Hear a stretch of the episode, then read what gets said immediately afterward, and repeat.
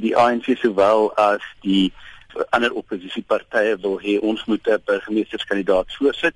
Daar's heidaglik groot onenigheid in die ANC met verskillende faksies. Daar word gevoel deur sekere van hierdie faksies dat meneer Jordaan word op hulle afgedruk en daar nie breedvoerig met hulle onderhandel was en om sodoende 'n kandidaat van hier af aangestel te kry nie.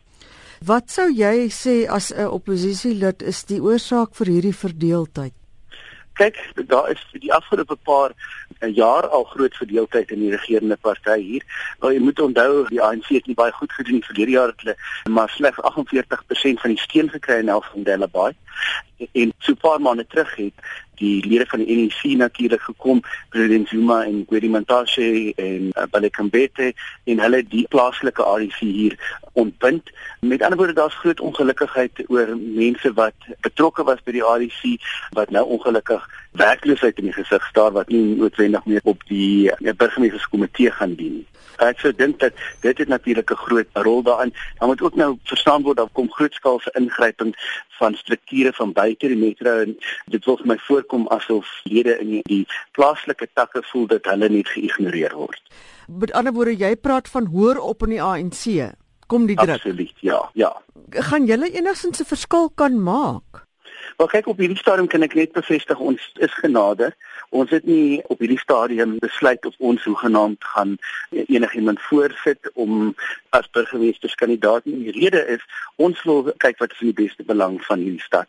Ons besluit moet een wees wat stabiliteit gaan meebring en as ons 'n burgemeesterskandidaat voorsit en daai persoon suksesvol, moet ons weet dit is in die beste belang van die stad en sy mense. Ons wil nie bring wat die administrasie nog meer disfunksioneel gaan maak as wat dit reeds is nie en derhalwe is ons besig om te kyk na alle moontlike opsies, maar ten minste kan ek sê dat ons gaan iets doen wat ons stad en die steek gaan laat. En ek dink ons het as 'n oppositieparty wat verseker daarvan is dat ons volgende jaar die munisipaliteit gaan oorneem, wil ons doen wat in die beste belang van hierdie stad en sy mense is. Hoe raak die verdeeldheid van die regerende party dienslewering in die stad? Wel, dit is heidaglik natuurlik totale allegaals. Jy moet onthou, daar is nie eers 'n burgemeesterskomitee heidig. Met ander woorde, geen besluite kan geneem word nie en die dienslewering is op 'n uh, absolute laagtepunt. Met ons party se standpunt is dit is jammer om te sien dat die stappe wat geneem is om Danny Jordaan in te bring, wat nou juist stabiliteit moes meegebring het, het ons nou in verdere krisis gedompel. En dit is regtig jammer dat die regerende party nie hulle huiswerk goed gedoen het en hulle huis in orde gekry het voordat hulle hierdie stappe geneem het. Hoekom dink jy het hulle gedink dat hy die probleme sal kan oplos? Maar ek dink die ANC was met hulle rug teen die muur. Hulle besef hulle gaan hierdie metro verloor.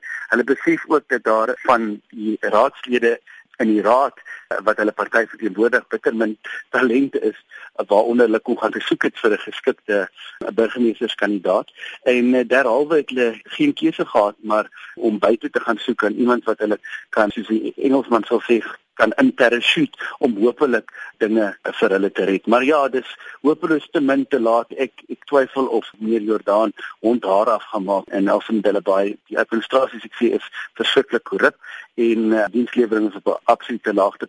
En ons kan net hoop en bid dat hierdie stap as hy nou wel eendag aangestel word, dis net te sê as hulle die ANC kan kry om almal vir hom te stem, dat daar tog 'n mate van stabiliteit sou wees en 'n bietjie meer dienslewering vir ons mense totdat die DA natuurlik inkom in 2016 en die skip finaal en al omdraai.